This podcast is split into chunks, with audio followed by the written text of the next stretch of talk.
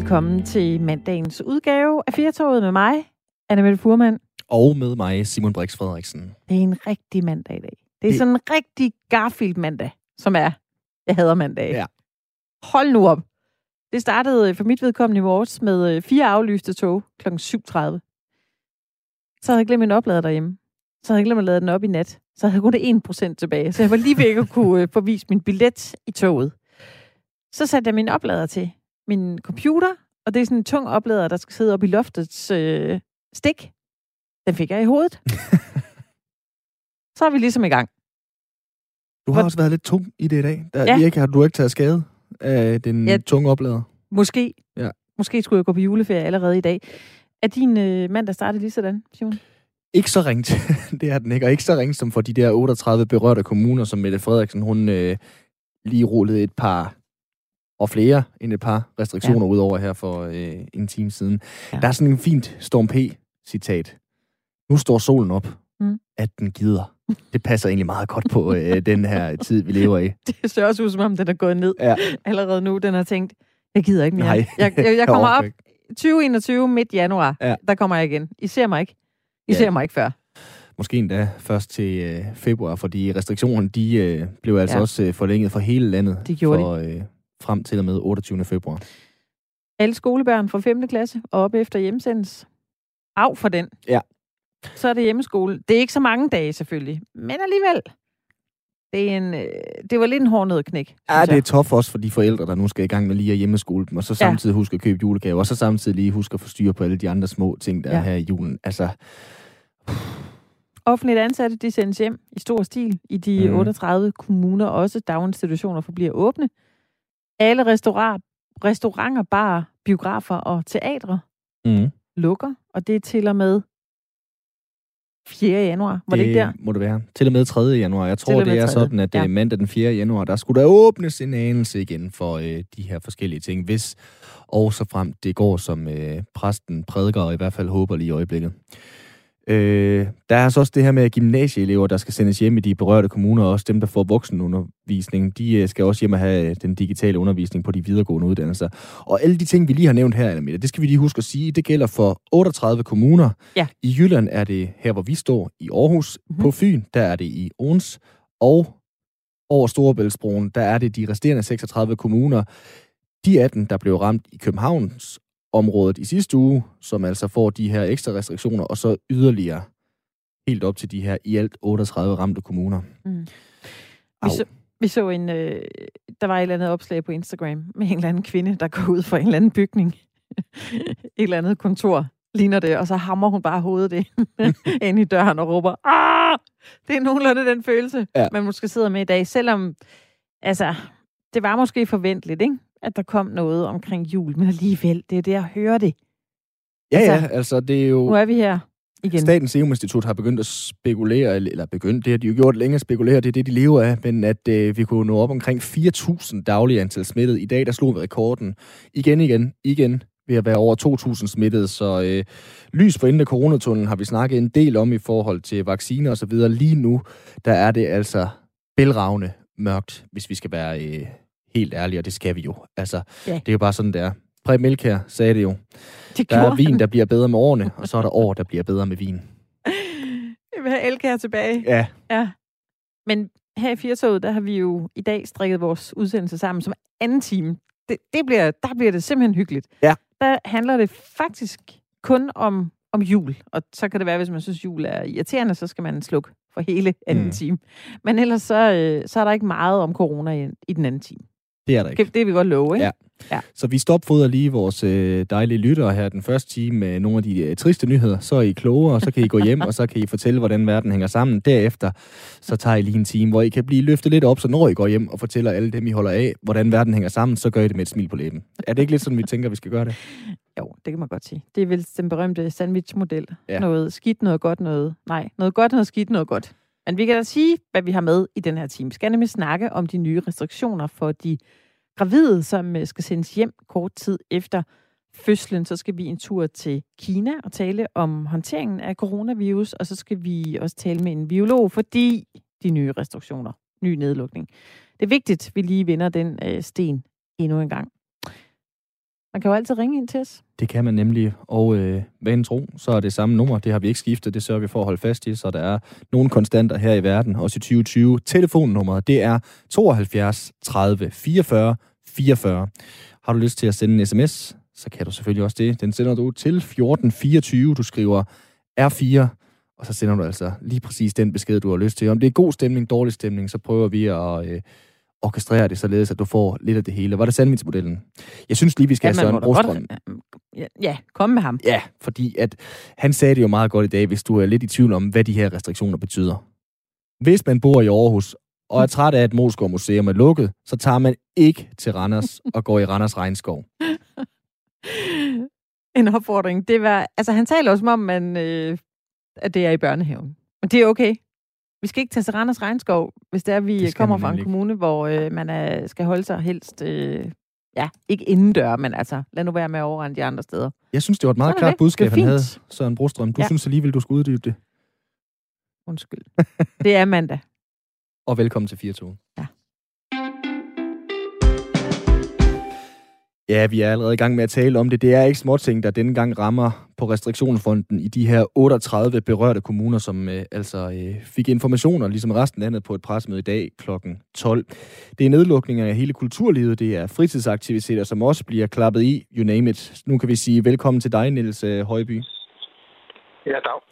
Du er øh, professor i klinisk mikrobiologi på øh, Rigshospitalet. I sidste uge, der havde vi der med til at sende det her omvendte julekort, og øh, sagde, at vi kommer nok ja. til at snakkes ved på et eller andet tidspunkt. Øh, der gik så øh, lige nøjagtigt en weekend. Biografer, teater, restauranter undtagen takeaway, fitnesscenter og indendørs sport. Øh, var det på tide med den her hammer for at holde smittetallene nede, Niels? Ja, altså det synes jeg faktisk. Jeg har jo set smittetal kan man altid diskutere lidt, fordi øh, de, de tester jo mere og mere.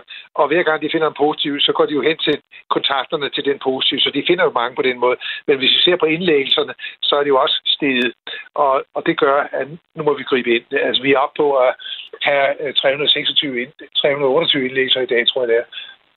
Og der er også lidt mere gang på den på intensiv afdeling og respiratorer. Så det er det rigtige tidspunkt, fordi alt med epidemier, jo tidligere det griber ind, jo lettere er det. Hvorfor er det, vi simpelthen ikke kan holde virus nede ved almindelig forsigtighed, men skal have gang i de her mere drastiske metoder, øh, hver gang vi vil gøre et, øh, et indhug i smittetallene? Ja, men det skyldes jo, at hovedparten af dem, der er smittet, de har ikke nogen symptomer, og de smitter alligevel. Og det er især de unge mennesker. Og hvis man ser på dem, der er testet positive, så dem, der dominerer, det er jo fra 10 til 19-årige, og fra 20 til 29-årige. Så er det noget lavere øh, for de næste aldersgrupper, og så bliver det rigtig lavt, når vi kommer op til dem på 60 år derovre. Der er heller ikke rigtig noget særligt smitte blandt de helt små 0-9-årige. Så vi kan se, hvem det er, og det er jo dem, der har stort socialt behov, naturligvis. Ikke? Både uddannelsesmæssigt, skolemæssigt, arbejdsmæssigt og sportsmæssigt osv. Så, så det er derfor, man gør det. Og mm. man, jeg synes ikke, man kan sige andet, at det er det rigtige at gøre. Ja. Så, vi har lige fået en sms. Hårdt og så kort. Hvad siger du? Jeg afbrød dig. Ja, det er jo Nå, det er fordi, vi har lige fået en sms fra en, der kalder sig Larsen her. Øh, vedkommende skriver, at det burde være hele Danmark, der gjorde det her. Luk dog ned. Det her er useriøst. Er du useriøs, Niels? Nej, fordi man kan jo se det på dashkortet. Hvis man går ind på Serum Instituts hjemmeside under covid-19, så har de et dagligt dashkort. Og der kan man se, hvor det er slemt, i hvilke kommuner det er slemt, og i hvilke kommuner det ikke er slemt. Og der, hvor det ikke er slemt, der vil det være meget vanskeligt efter så lang en periode, altså det er vi jo tilbage fra den 11. marts og så frem til nu, der vil det være meget vanskeligt at få folk til at forstå, at det er nødvendigt. Så det tror jeg altså vil være pædagogisk en umulig opgave. Men det, de gør nu, det er, at de tager de kommuner, hvor smittetallet er meget højt, og øh, altså antallet af nye tilfælde. Og det er jo øh, hovedstadskommunerne, næsten alle sammen. Og, og så går det ned øh, i Region Sjælland, ude på Slagelse og ned til Vordingborg og Faxe og, sådan, og Køge. Og så går det jo også over til de to store, store byer, ikke? Odense og Aarhus, hvor det også går gang ind. Og det er det rigtige at gøre. Altså, hvis man lukker hele landet ned, jamen så øh, opstår der altså et tidspunkt, hvor folk ikke vil være med mere, hvis de ikke kan se, hvorfor de skal gøre det. Og det kan man der, hvor det går hårdt for sig, men det kan man ikke der, hvor det går lidt. Og se, hvor effektivt det var i Nordjylland. Altså, det var jo, det var jo en succeshistorie, bortset fra, at jeg ikke synes, det er en helt succeshistorie, at man dræbte alle minkene, der, altså dem, der ikke var inficeret. Men det var en succeshistorie, det må man sige. Det, det virker altså simpelthen. Ja, nu skal jeg ikke kunne sige, Niels, hvor, øh, hvor denne lytter her, Larsen, han er fra, eller om han skulle være fra, øh, fra Nordland. Men vi så jo i Nordland, der havde man jo også de her, kan man sige, kommunale grænsebomme, som gik ned. Ja. Øh, og det har man jo ikke valgt at gøre i de her 38 kommuner, selvom der altså blev løftet pegefinger fra både Mette Frederiksen og Søren Brostrøm og de andre på det her presmøde. Hvorfor er det, at det alligevel er så god en idé, det her, når man nu ikke lukker for øh, grænserne til kommunerne? Det er umuligt i, i hovedstadsområdet. Altså, hvem, jeg ved godt, jeg bor i Furesø Kommune, det løber også ned, men hvor er det nu lige, at alle røde starter? Hvor er det nu? Og Ballerup og så videre. Altså, det, det er jo et stort byområde, og så er der en lille smule skov ind imellem og nogle søer, ikke? men det er svært at sige præcis, hvor man er hen. Så derfor vil det være ekstremt vanskeligt i et storbyområde at gøre det. Ikke? Altså, S-togene kører de igennem, metroen kører igennem, og så videre, så videre. Så det, det, øh, det vil ikke være muligt at gøre det. Det kan man gøre deroppe, og, og der havde det også det havde så også en, en anden baggrund, fordi vi havde på det tidspunkt mange minkfarme med smitte i, og øh, der skulle man sørge for, at der ikke gik smitte fra den ene minkfarm til den anden, hvor der ikke var smitte og sådan noget. Så, så det, det er en anden situation simpelthen. Og nu kan man jo altid snakke om øh, bagklodskab og øh, det ulidelige klare øh, lys der. Altså, øh, i forhold til det her med de smittede kommuner, var det 18 i sidste uge, som altså skulle have øh, restriktioner, og nu har man så udvidet det her til 38 kommuner. Skulle man have skrevet det ind før? Fordi øh, nogle brancher, de måske har fået sig lidt for længe, Niels.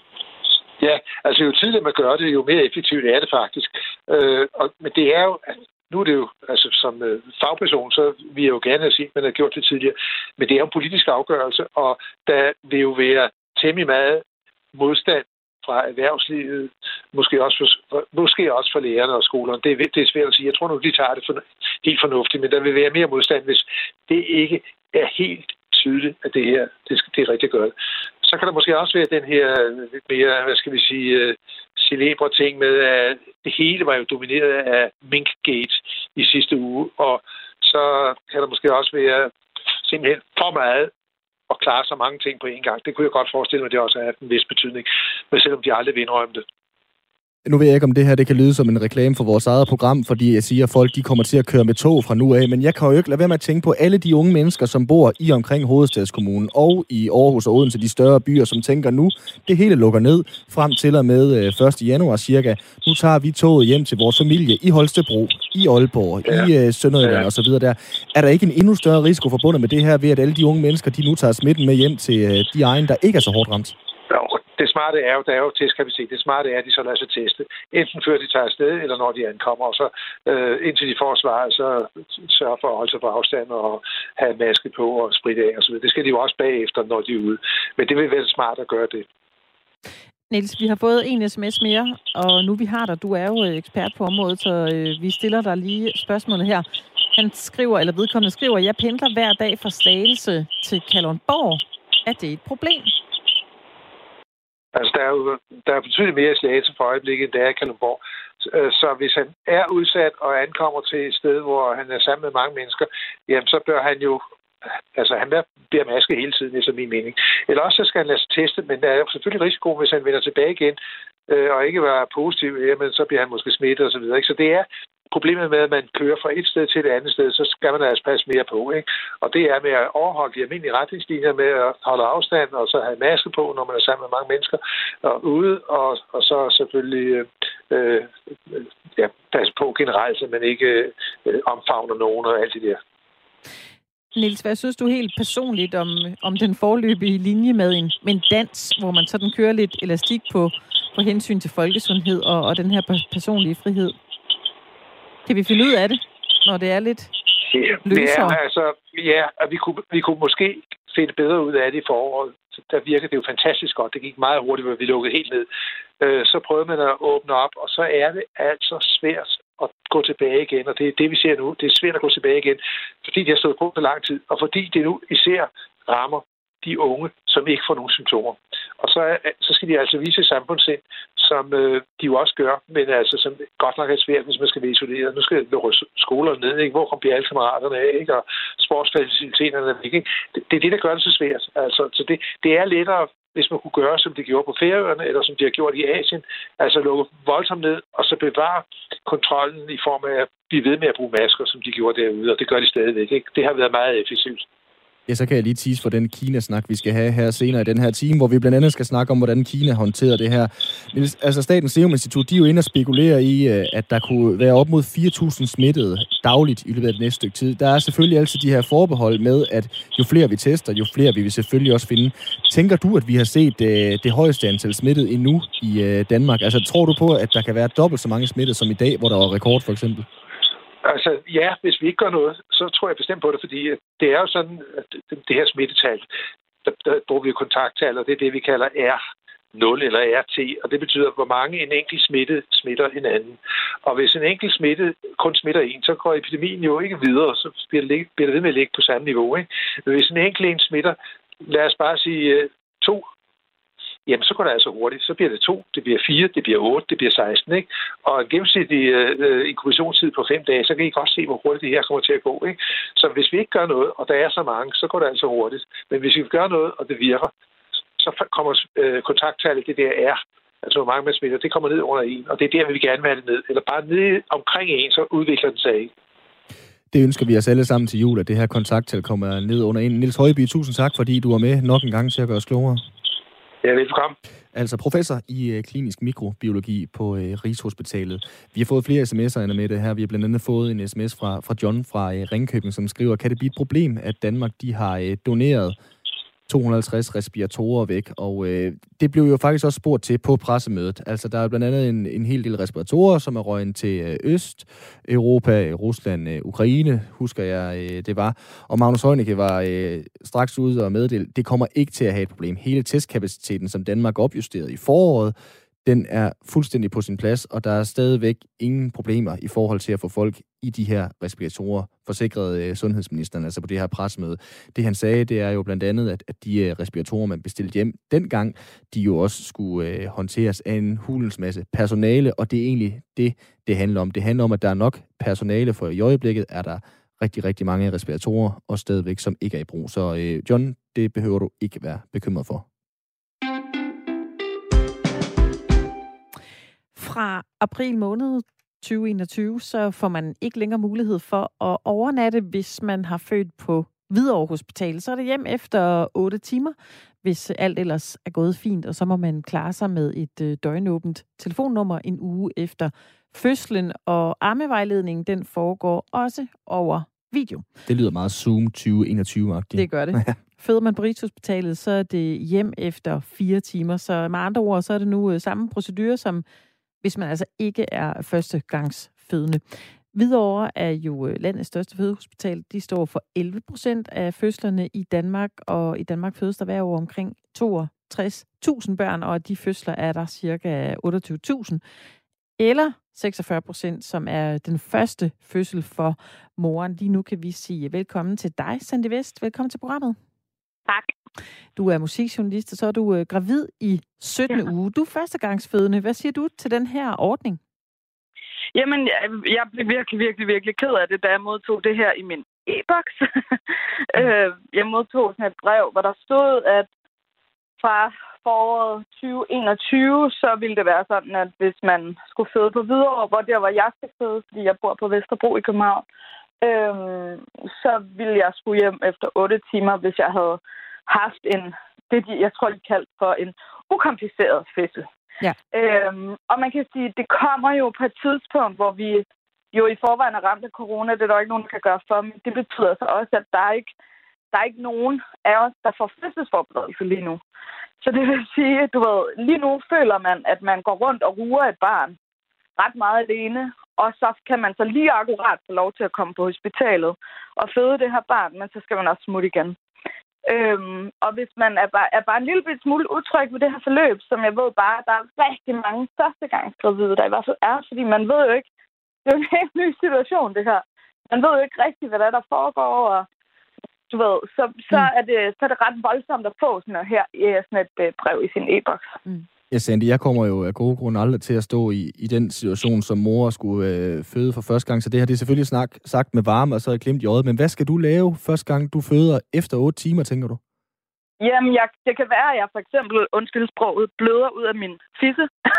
det kan være, at jeg har haft bækkenbundsløsning. Det, altså, det forsvinder jo ikke bare, fordi du har født. Det kan være, at jeg er helt vildt utryg ved, øh, at der er et helt nyt barn, der er kommet til verden, og det er første gang, jeg nogensinde skal tage hånd om det.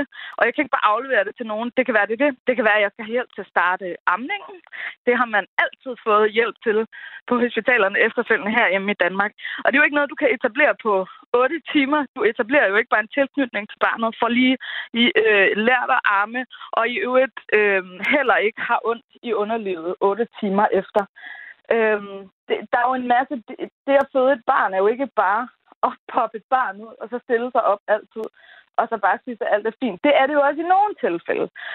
Og det er jo egentlig det, som er min pointe, det er jo, at, at det er jo fint, hvis man har lyst til at tage hjem efter 8 timer. For guds skyld, jeg håber da, at jeg har lyst til at tage hjem efter 8 timer. Jeg håber da, at alt er ukompliceret. Og jeg bare synes, at det at amme bare er det nemmeste i verden, og jeg har ikke ondt nogen steder. Jeg har bare den vildeste tilknytning til mit barn. Øhm, men min anke går på, at det er bare langt fra, langt, langt fra alle, der har det på den måde. Og så er det ret voldsomt at skulle hjem i øvrigt lige nu, hvor der heller ikke er nogen fødselsforberedelse, skulle hjem og så ordne alt igen. Du er meget overladt til dig selv i det her system lige nu, øhm, som jo bare er under al kritik, lever i det land i verden med verdens højeste skattetryk. Det kan simpelthen ikke være rigtigt, at begyndelsen på livet skal foregå på så skrabet en måde. Det er under al kritik. Mm. Du er en af de gravide, som er blevet visiteret til en, en særlig ordning for, for sårbare gravide. Hvad, hvad gælder der i den ordning?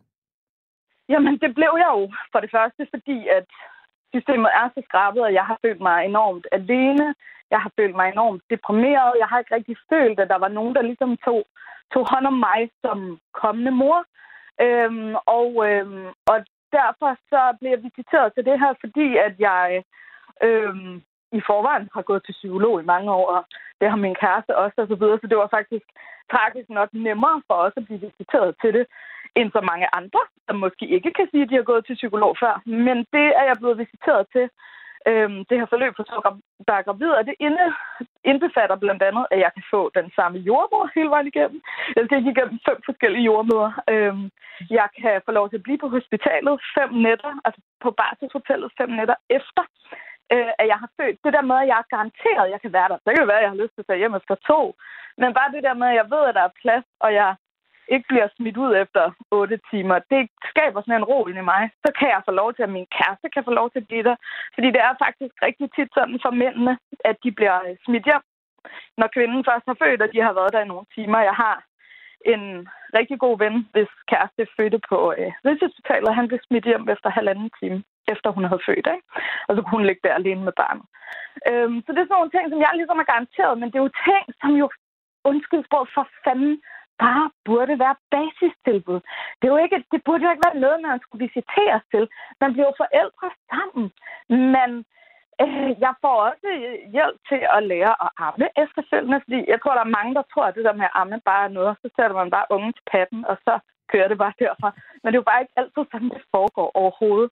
Øhm, så det er som om, vi har sådan en, vi har sådan en forestilling om, at så kan man lige tage hjem og lige få noget vejledning, men der kan jo også opstå komplikationer efter at barnet er født, og man er kommet hjem.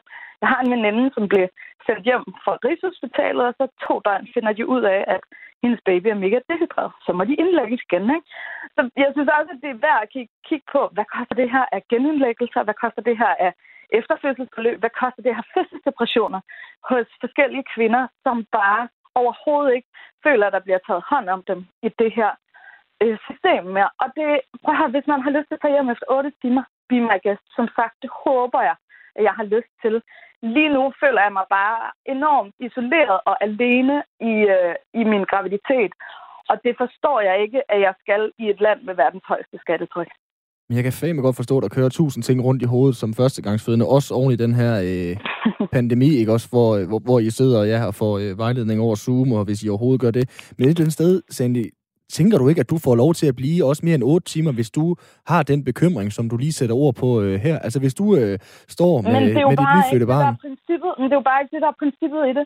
Princippet er, at du lige nu kaster det her ud i hovedet på en masse gravide, som er enormt usikre. Mm. Det kan simpelthen ikke være rigtigt, at man skal spørge om at få lov til at blive længere. Det burde helt seriøst bare være et basistilbud. Og hvis man så har lyst til at tage hjem før tid, det er der faktisk rigtig mange kvinder, der har lyst til. Også fordi, at jeg føler så også i at barselsgangen er så presset, så det er rigtig tit, at du ligger på barselsgangen, og så er der faktisk ikke rigtig nogen til at hjælpe dig. Så de fleste har faktisk lyst til at tage hjem tidligere, fordi der er så skravet en omgang, det man får. Men, men så det er, jo ikke, altså, det er jo ikke det, der er princippet. Princippet er jo, at du skal spørge om at få det. Og det synes jeg bare er så vildt i en situation, som er så ny for dig. Det er det mest livsomvæltende i hele verden, det er at få et barn. Og jeg vil betragte mig selv som, som relativt ressourcestærk.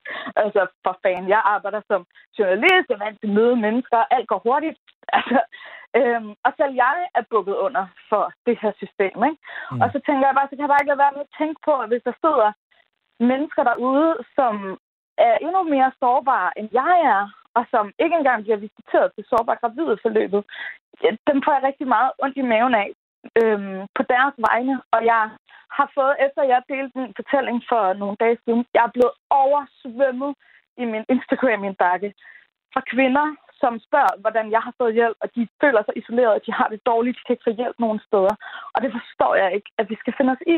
Det, ja, det her det er et område, der er blevet nedprioriteret i så mange år, og der ingen politikere, der tager sig af det overhovedet. For to år siden, der gik Venstre, SF og Socialdemokratiet, de gik ud og sagde, at kvinder, de skulle i hvert fald have ret til at være på hospitalet 48 timer efter, at de havde født. Og det er bare ikke sket overhovedet. Og øh, hende, der står i spidsen for de her nedskæringer, som det jo er, det er Sofie Hester Andersen. Og hun øh, er formand for region hovedstaden. Og hun står til at skulle være overborgmester i København. Hun vil i hvert fald rigtig gerne være det til næste år. Ikke? Og øhm, og jeg synes bare, at når man står i spidsen for en hovedstad, så synes jeg også, at man skal stå i spidsen for de kommende liv, som der er i hovedstaden. Og det gør du altså ikke ved at levere så skrabet en model til de kvinder, som skal levere de her liv. Så sådan helt skåret ind til benet, Sandy, så handler det mere om for dig, at du skal have lov til at spørge, om du må tage hjem, frem for at du skal have lov til at spørge, om du må blive, når du har født?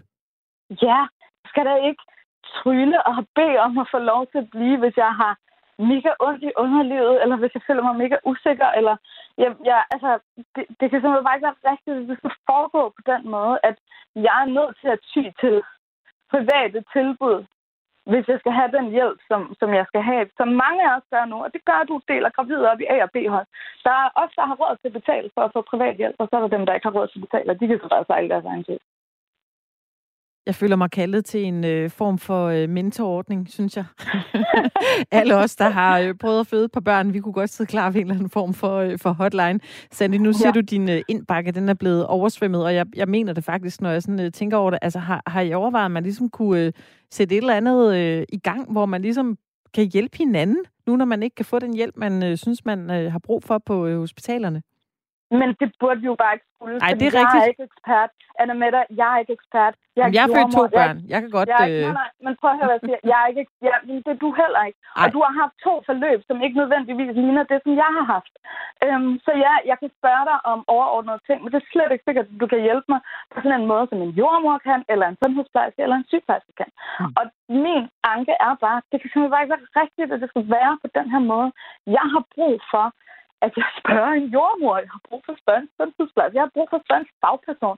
Jeg kan også spørge min mor. Jeg kan spørge mine veninder. Jeg kan spørge alle mulige. Der, tro mig, når man er gravid, kan få der mange råd at hente rigtig mange steder. Rigtig, ja. mange, der har en, rigtig mange, der har en holdning til, hvordan man skal, mm. hvordan man ikke skal. Ja. Og jeg prøver virkelig at lukke af for det.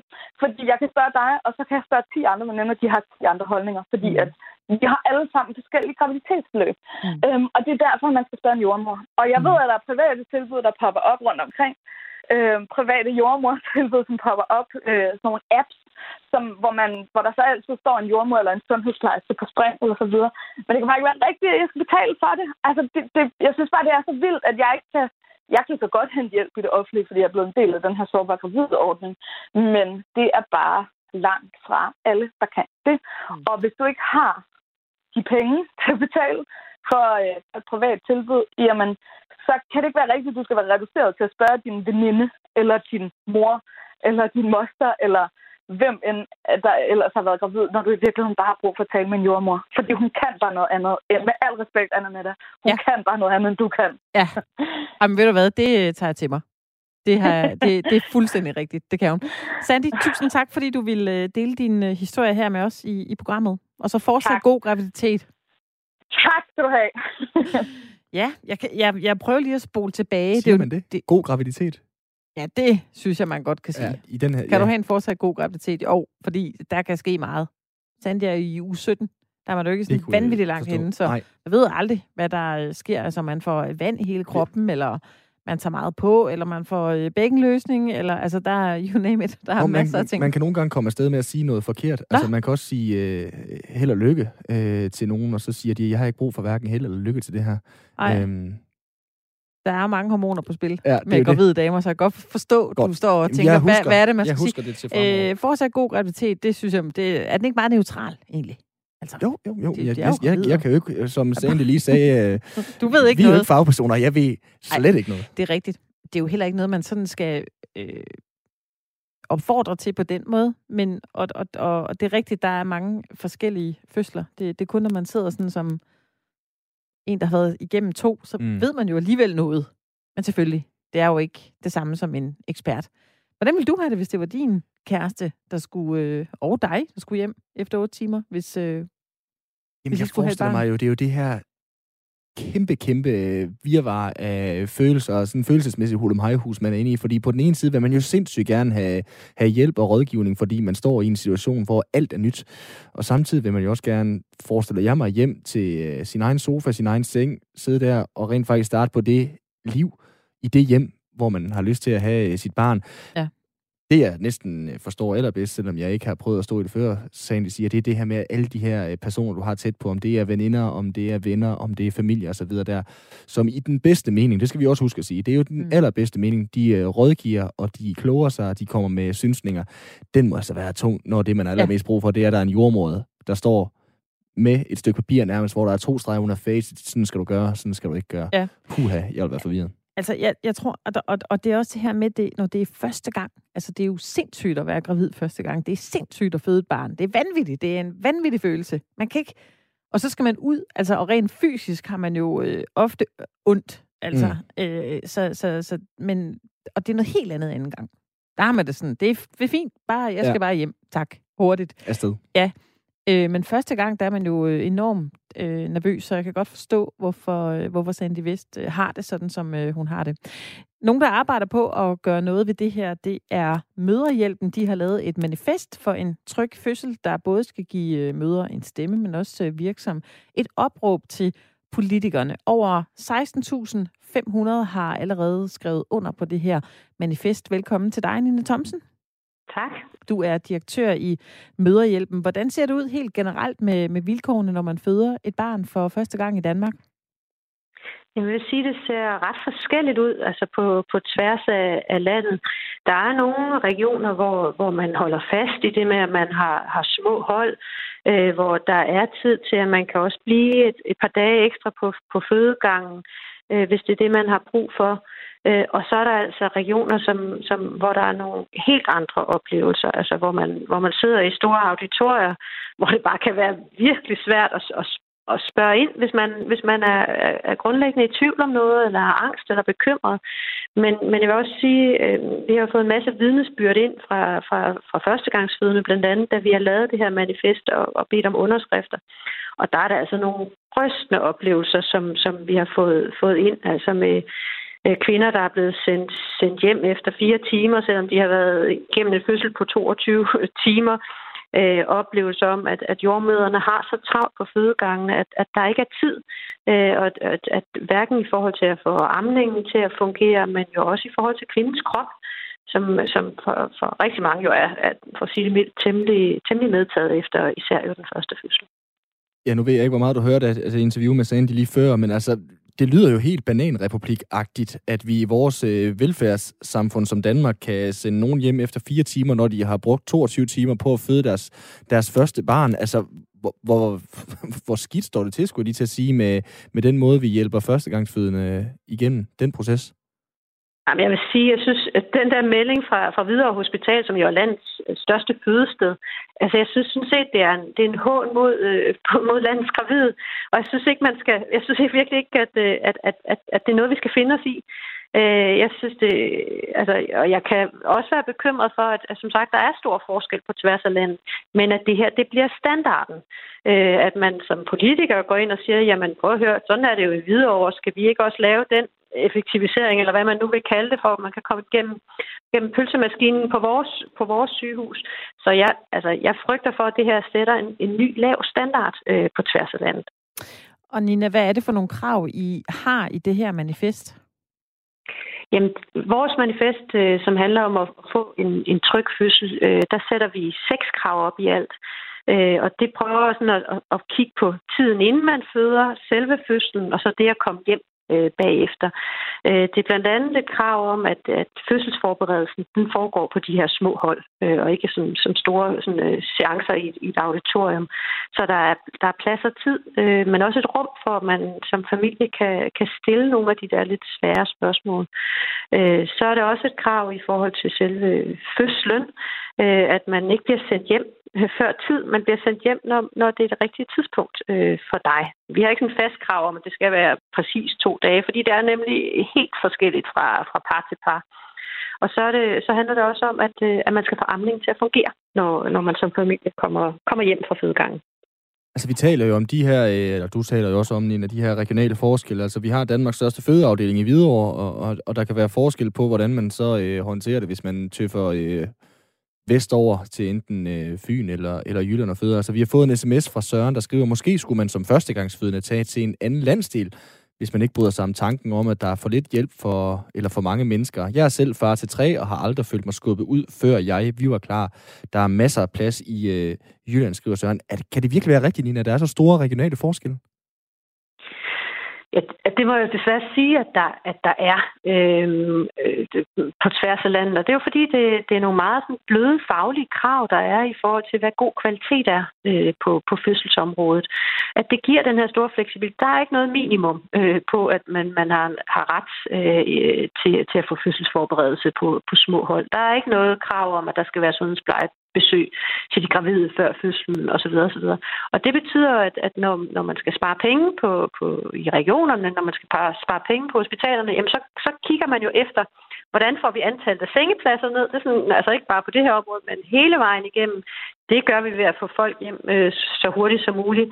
Øh, hvornår er man færdig med at blive syet? Jamen, så er du sådan set øh, sundhedsmæssigt færdigbehandlet. Så kan vi godt sende dig hjem. Og bare sige, altså, jeg tror også, I sagde der indledningsvis, at få et barn og få et barn første gang, øh, føde et barn, er jo en, på alle måder en, en ud af kroppen oplevelse, som ikke kun handler om kroppen, som kan være temmelig medtaget bagefter, men som, som også handler om, at, at, at pludselig har man ansvaret for et, for et helt nyt, nyt liv. Øh, det, det, det er din krop, der, der giver næring til, til barnet, og der er der bare brug for, at man, man lander bagefter, og man, man har sikkerhed for, at man faktisk kan, kan finde ud af det, at man faktisk øh, kan give, øh, kan amme sit barn føler sig kropsligt i stand til at, at, at kunne tage hjem, øh, og synes man, øh, man, man også, når man kommer hjem, øh, faktisk kan klare det derfra at føde et barn er en ud-af-kroppen-oplevelse. Den tager jeg lige øh, med mig, Nina. Det var øh, fornemt sagt. Jeg bliver lige ved med at bore i det her med, med, med også det, som Søren er inde på i sin sms, altså det her med de regionale forskelle, som du jo også siger. Kan man egentlig ikke bare, hvis man for eksempel bor i København, tøft til øh, familien, der bor lidt uden for Aarhus, og så sørge for at få født i Aarhus, hvis det er så meget bedre i Jylland for eksempel? Jamen, jeg vil sige, hvis alle københavnske kvinder tog til Aarhus, så tror jeg nok, at, at de også vil få, få gevaldigt trav på, på fødegangene på, på, i, i Aarhus. Så, så det er jo ikke en... Det, det tror jeg desværre ikke er en, en bæredygtig løsning, fordi der er jo det antal... Altså, der, så vil de jo mange sengepladser i Aarhus, kan man sige. Jeg synes, jeg, altså, jeg, jeg synes faktisk, de her nye krav, fra, eller de nye øh, retningslinjer fra Hvidovre Hospital, det er en håb øh, mod, mod, mod, mod landets førstegangsfødende. Og jeg synes ikke, man som, som kvinde øh, bosat i, i København, hovedstadsområdet, skal finde sig i det her. Altså, så, så, så, så jeg må desværre sige, det, det er i den grad jo vand på den, den mølle, vi maler i møderhjælp om, at, at, at forholdene på, på fødegangene i Danmark er, er ikke i orden. Øh, at at det, det manifest, som vi har lavet for en tryg fødsel, øh, er, på, er på alle måder øh, relevant, og det er det nu. Og det er det, jeg håber sådan set, at, at politikerne på, i Region Hovedstaden, de tager affære og siger, det her, det synes de ikke er i orden. Øh, der, der er kommunale regionsrådsvalg om, om, et, om et år. Som sagt, jeg tror, jeg tror, alle kvinder, der har født et barn, der sidder, der sidder øh, fødslen som, som en meget, meget stærk erindring øh, hos dem det, det er en god investering i at, at komme godt fra start som familie, at, man, man, at, at, at fødselsoplevelsen er god, at man er vel forberedt på at få et barn, og når man kommer hjem, at man så kan få amningen til at fungere. Øh, ellers så, altså, så vil det selvfølgelig have konsekvenser i forhold til, til barnets bliver vel. Mm. Jeg bliver lidt øh, nysgerrig, Nina, i den øh, perfekte verden, hvor vi jo ikke skulle finde penge til det her, men bare kunne gøre det, der var bedst. Hvad, hvad vil så være de øh, optimale omstændigheder omkring en, øh, en førstegangsfødende, synes du? Jamen igen, jeg tror, det er meget forskelligt. Altså, der, der er jo også øh, mulighed for at få, for hjemmefødsel. Øh, det er der nogen, der, der, der benytter sig af.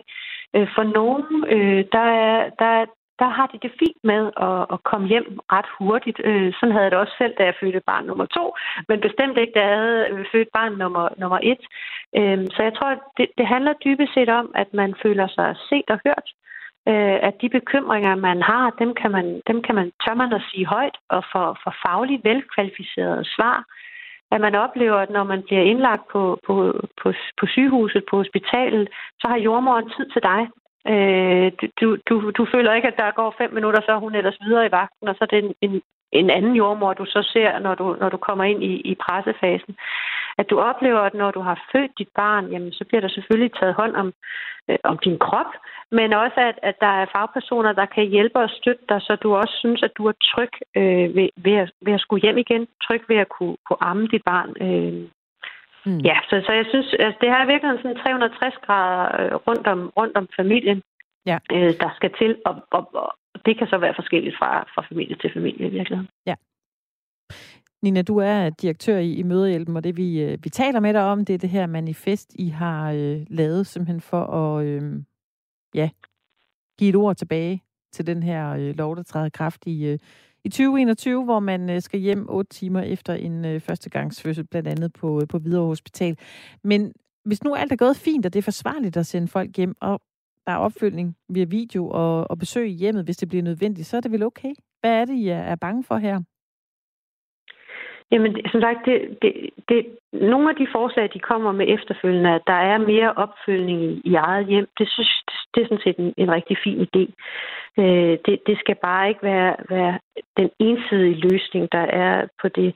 Øh, altså som sagt, det, det manifest, vi har lavet, der har vi jo også øh, bedt, øh, da, vi, da vi bad folk om at skrive under, om at de gav deres vidensbyrd med i forhold til, hvilke oplevelser de har haft, øh, da de har været indskrevet, øh, øh altså da de har født deres, deres barn, kan man sige. Og, og jeg vil sige, det, det, de fortæller, det er altså i mange tilfælde øh, hjerteskærende. Det er i forvejen historier om, at man som førstegangsfødende bliver sendt hjem fra, fra sygehuset, uden at der er styr på, på, på amningen. Det er kvinder, der fortæller om, hvor utrygt det var, at man kommer hjem, og man, man ikke har nogen idé om, hvad man skal stille op, øh, og dermed ender med at give sit barn øh, flaske i stedet for. Øh, det er historie om, at man, man kommer ind, øh, føder sit barn, øh, selvom man har, har, har sår på brystvarterne, bliver man ikke hjulpet øh, med det. Man oplever store smerter. Det, det er historier om, at, at, at, at der ikke er tid til at se øh, den efterreaktion, som, som man har oven på sin, sin fødsel. Og jeg, og jeg synes, altså, nu, nu kommer jeg ikke til at gengive de, de beretninger, vi har fået, men, men, jeg, men jeg synes dybest set, at nogle af dem er, er meget rystende, og egentlig vidner om et, øh, kvalitetsniveau, som bare overhovedet ikke er i orden. Øh, og, og det synes jeg, man er nødt til at tage alvorligt øh, i sygehusvæsenet. Øh, det er man nødt til at tage alvorligt fra, fra regionernes side, at, at det her det er altså øh, langt ned over gulvbrædderne. Øh, og som sagt, så handler det jo dybest set om, at, at, at jeg tror, det er en god investering, øh, at, at, at sige, at vi, vi vil have trygge fødselsforløb for, for landet. Både landets førstegangsfødende, men landets fødende i det hele taget. For det betyder, at man kommer, kommer godt fra start i forhold til at være en god mor og en god far for, for sit barn. Ja, det er selvfølgelig vigtigt, både for familien og selvfølgelig også for, for børnene, og det, det, på den måde gør det selvfølgelig indtryk, det her. Men jeg, jeg kan jo ikke lade være med at tænke, Nina, altså corona, den har vel lært os to ting. at vi kan rigtig meget over videomøder og Zoom, øh, og at sygehusvæsen de, øh, de er under pres og løber stærkt. Kan det her ikke løses både for møderne, og så samtidig hjælpe et øh, ret presset personale i øh, sundhedsvæsenet? Jamen, og på den måde så er jeg heller ikke afvist over for, at man, man prøver nye modeller af. Jeg tror, på den måde kan, det har vi jo også selv i vores rådgivning i møder, jeg kunne se, at nogle gange så, så kan man sådan set skabe en rigtig intim øh, stemning ved at, man, ved, at man har sådan et video-zoom-møde. Øh, så, så jeg, altså, prøv endelig noget af.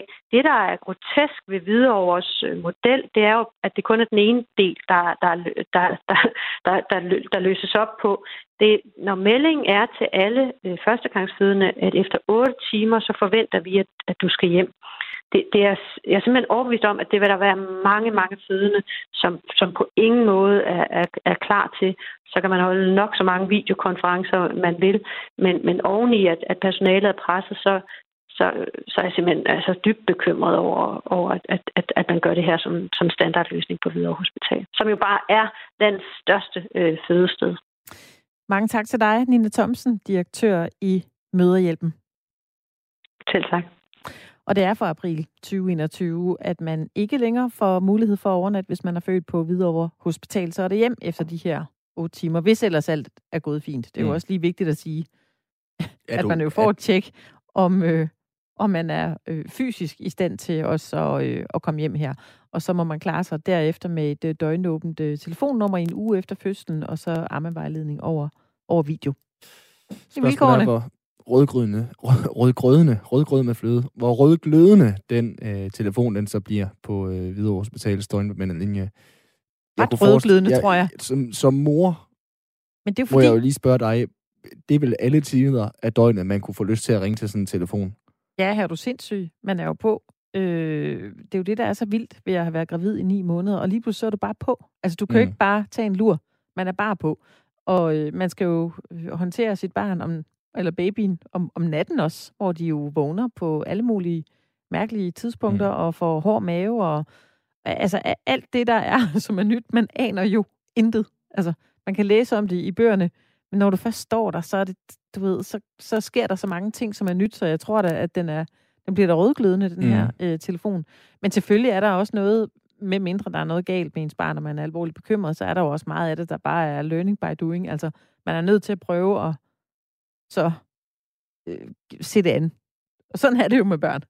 Man er simpelthen nødt til at, at kigge på det barn og tænke, nå, er det her noget, vi skal ringe om? Er det noget, vi kan læse os til? Er det noget, vi bare skal prøve af? Eller kan vi prøve noget, og så give den en chance, og så måske ringe bagefter? Eller hvor, øh, og det er jo der, man har forskellige behov. Der er nogen, der er enormt utrygge ved at gøre noget øh, forkert, som er bange for at gøre noget forkert, og ikke vil prøve at kaste sig ud i en løsning. Øhm, og så, så er der jo måske den familien omstændighed, som kan være møg irriterende at høre. Der er rigtig, rigtig mange, der har stået i samme situation før, ja. været skrub forvirret, presset og har haft lyst til at ringe 112, og det der jo er værre, og faktisk har klaret det alligevel. Ja. Jamen, det er rigtigt. Altså, jeg kan huske, jeg selv havde øh, utroligt store kvaler med, hvordan jeg skulle få det her barn hjem første gang. Altså, hvad skal, hvad skal han ligge i? Hvad for en slags po, voksipose, og hvad, hvad for noget tøj har de på, og hvor meget tøj har de på? Det var et vinterbarn. Altså, kan, de overhovedet tåle at komme i poolen? Man har jo alle mulige fuldstændig sindssyge tanker, hvor er, øh, havde en, en god bekendt, der sagde, ved du hvad, altså, worst case, så ruller du dem bare ind i et håndklæde. Altså, ja. man skal bare ud i, øh, i bilen i den der øh, autostol. Men altså, det er utrolig mærkeligt at få det der barn ud, så sætte det i en autostol. Altså, man kan, man kan simpelthen ikke... Det, det virker helt weird. Jamen, det, ja, jamen... Øh, 20 spørgsmål til professoren, og endnu mere efter det. Altså, det på det... Ja. Hvor meget hår rev du af hovedet dengang over, hvad, hvad du skulle forholde dig til? Jamen altså, øh, hvis det var mig, der skulle hjem, så, øh, så var jeg nok en af dem, der ville ringe rimelig meget. Altså, jeg havde aldrig hørt om, at en baby kunne få hård mave på den måde. Jeg tænkte, det er bare at skifte en blæ. Men pludselig så kom der ikke noget ud. Hvad gør man så? så finder man ud af, at babyen har hård mave. Hvad delen gør man ved det? Så finder man ud af, at man øh, kan give dem noget, så de får, øh, ja, så, så det ligesom går Findes der sådan noget ah, baby-afføringsmiddel nærmest, ja, eller hvad? det gør der, lige okay. præcis. Øh, og, men, men, men du, ikke lige, altså, du kan ikke sige til en baby, du, det er vigtigt, at du drikker det her. Så det skal jo ned i maven på en eller anden måde. Ja. Og babyer har det med at spytte de ting ud, de ikke... Altså, så det er jo også svært at få det der i. Det vil sige, det virkede ikke godt nok. Hvad gør man så? Ja. Hold nu kæft. Ja. Vi må Jamen, hellere øh, stoppe den her, før der sidder nogen og tænker, Ja, jeg nej, tænker, der, det skal jeg aldrig det gøre. I forhold til vores public service forpligtelser her på Radio 4 og 4 tog i almindelighed, så tænker jeg, at vi, vi hjælper rigtig mange mennesker lige nu. Øh, Det gør vi. Lad os runde den af. For øh, ja, godt 50 minutter siden, der sagde vi, at øh, første time, den blev øh, sådan lidt mere tung. Der skulle vi sørge for at have det alvorligt med. Vi har lige talt om førstegangsfødende og de øh, udfordringer, de måtte have Ja. med at komme hurtigt hjem. Vi har talt om øh, corona, som øh, ligesom igen igen har gjort sit indtog, eller stadigvæk er her. Derfor har den øh, betydet pressemøde i dag, nok en gang, og restriktioner i 38 kommuner. Skal vi ikke lige have lidt julestemning? Jo, Ja. det synes jeg. Jeg var i Zoologisk Have i går. Ja, så du en I nisse? Aalborg. Jeg så rigtig, Var der en rigtig mange nisser. isbjørn? Øh, nej, det var... Havde i de tøj på? Og, det, og nu, nej, fordi nu, nu er det lige før, jeg så øh, dropper julestemningen alligevel. Der. Det er jo rasende kedeligt at rende rundt i en zoologisk have, og der er ingen dyr. De sov jo. De sov over det hele der. Der var, der var gang i flamingoerne, de er altså ikke de fedeste. Altså, jeg rendte rundt i Aalborg Zoologisk Have. Klokken Ja. var 16.30. Man skal selvfølgelig bestille tid, ligesom man gør ved frisøren, fordi der skal ikke være for mange mennesker. Øh, og så tøffede man ellers rundt som øh, sild i en tønde. Altså, det må have været en coronabombe, forestiller jeg mig, fordi de har jo regnet ud, hvor mange mennesker må der være inde. Der må være så og så mange der, men altså, det er vel inklusiv øh, elefantens plads og så videre. De var jo ikke fremme. Altså, jeg var... Øh, nå, der var rigtig, rigtig mange mennesker. I, og der var også rigtig mange nisser. Der var Ja. også en julemand, selvfølgelig. Ja. Hvad gør man i år med alle sine børn, som gerne vil op og sidde på skødet af julemanden? Altså, man, man giver ham fire mundbind på. Ja, det Måske. er rigtigt. Og øh, sprit på øh, låret og alle de ting der. Ja. Nej, hvad, i Aalborg Zoo, der har man lavet en julekugle. Nå. En menneskelig størrelse julekugle, simpelthen inde midt i øh, parken, i den zoologiske have, der, der sidder jule... forhåbentlig en, en gennemsigtig julekugle. Ja, ja, ja, ja, det, Ja. Den er, den er, kun- han er ikke med på Zoom indenfra. Jamen, her- der sidder julemanden simpelthen, den ægte julemand, som øh, sidder der, og så vinker han ellers til børn. Det er så spooky, fordi han ligner en, øh, en figur, som inde i det her julekugle, du kender godt dem, man havde som barn, der, Ja, hvor man ja. ryster dem, og så kommer Klar, der sne og så videre. Der, Og så han kunne man sidder se- derinde. Han sidder Kan man trykke på en knap, så der kommer sne op øh, til ham? Altså sådan i... Nej, han, Ikke han øh, Nej. ikke øh, som jeg forstod, men han sad bare og vinkede, og han lignede sådan lidt en duk, altså der bare blev ved med at vinke. Men det var simpelthen måden, som de har løst det for. Men var de der børn ikke redselslagende for at gå op til den der øh, julemand i... Børn er jo genial. Altså, Ja. børn er jo helt genial. Altså, jeg synes, det var spooky. Men ja, de børn der, der var, de gik de jo bare, gik bare hen, op, og så. så, forsøgte de at røre ved, øh, ved kuglen, og de forsøgte at gøre dit og gøre det, og de fik jo, det eneste, de fik tilbage, det var et vink. Altså, de havde tænkt over det deroppe i øh, Aalborg Zoologisk Ja. at øh, hvad kan man gøre? Man kunne måske sætte julemanden til at læse op for børnene, og så sørge for, at de holdt afstand, mens der blev læst op der, men det synes de var sindssygt kedeligt. Så derfor valgte de at smide ham ind i en øh, julekugle. De bestilte sådan en menneskelig kugle ind. Du har godt set dem også til polterarten, og nærmest dem tager Ja, man ja, ja. på kroppen, og så kan man spille en anden Ja. form for fodbold. Ja, sådan en. Ja, bare i ekstra large, og så Ja. satte de ham derind med sne, og øh, så synes de ligesom, at det var, øh, det var måden at gøre det på. Ja. Det er faktisk blevet så stor en ting, at øh, det er gået viralt. Nå. BBC, som har øh, 16 millioner følgere på Instagram, de har øh, sørget for at dele billedet af julemanden her. Øh, de har lagt øh, billedet op med, med tekst, som sådan lidt løst oversat lyder, coronavirus betyder måske, at julen er lidt anderledes i år. But, det er de så ikke lige over, oversat. Men det stopper ikke julemanden fra at sprede en masse glæde. I Aalborg siger han hej til børnene fra en speciel boble, komplet med en snemand, slæde og andre godter fra Nordpolen. Det er altså også ligesom om det er blevet sådan, nu skal den have Ja. en over lampen. Altså meget kan der ske i 2020, men julen Ja. og julemanden og alt det, vi plejer at gøre, det skal vi simpelthen bare have ført igennem. Nå, men det var jo sådan en psykedelisk jo, juletrip, man var på derinde, fordi der Ja. var så mange lamper. Der var pingviner igen. Det var kun julelamper øh, med pingviner. De har bare øh, tænkt, Ej, det er for meget. jeg kan godt forstå Men løven. hvorfor sov smuk. de så meget, de der... Det jo først om aftenen. Ja, vel? Der var jo mørkt. De står, det, jo, det er jo dyr. Det er jo ikke sådan, de lige sætter uret efter, at de skal tidligt op. De, øh, Det er, de, det, er zoologisk havedyr. Ja. De, må, de kan ikke... Nå, så, så hvad så du af dyr? Jeg så en øh, tiger, der sov. Jeg så en løve, der tøffede rundt i mørke. Så jeg så bagdelen af en løve, og så så jeg en øh, flamingo. Også lidt fesen. Øhm, det var vel det. Var det ikke det? Selv de geder der, som børnene kan De få lov til at klappe, de gad sgu heller ikke. Det, ja. Men det var hyggeligt. Der var flot lys. Det, det der, kan er gået, øh, der er gået corona i den. Ja. Altså, ja. Nå, vildt nok. Men Nemlig. på den gode side, den gik viralt. Det Vi har den. fået lidt, Ja. og, lidt opmærksomhed og i, øh, i sorte udlandet. mennesker inde i øh, zoologisk have, så de har da fået lidt ud af det, når nu der har været nedlukket i zoologisk have i så lang tid. på den måde fik vi lidt julestemning her til sidst. Ja. I Og vi første er jo time tilbage- toget. Det er rigtigt.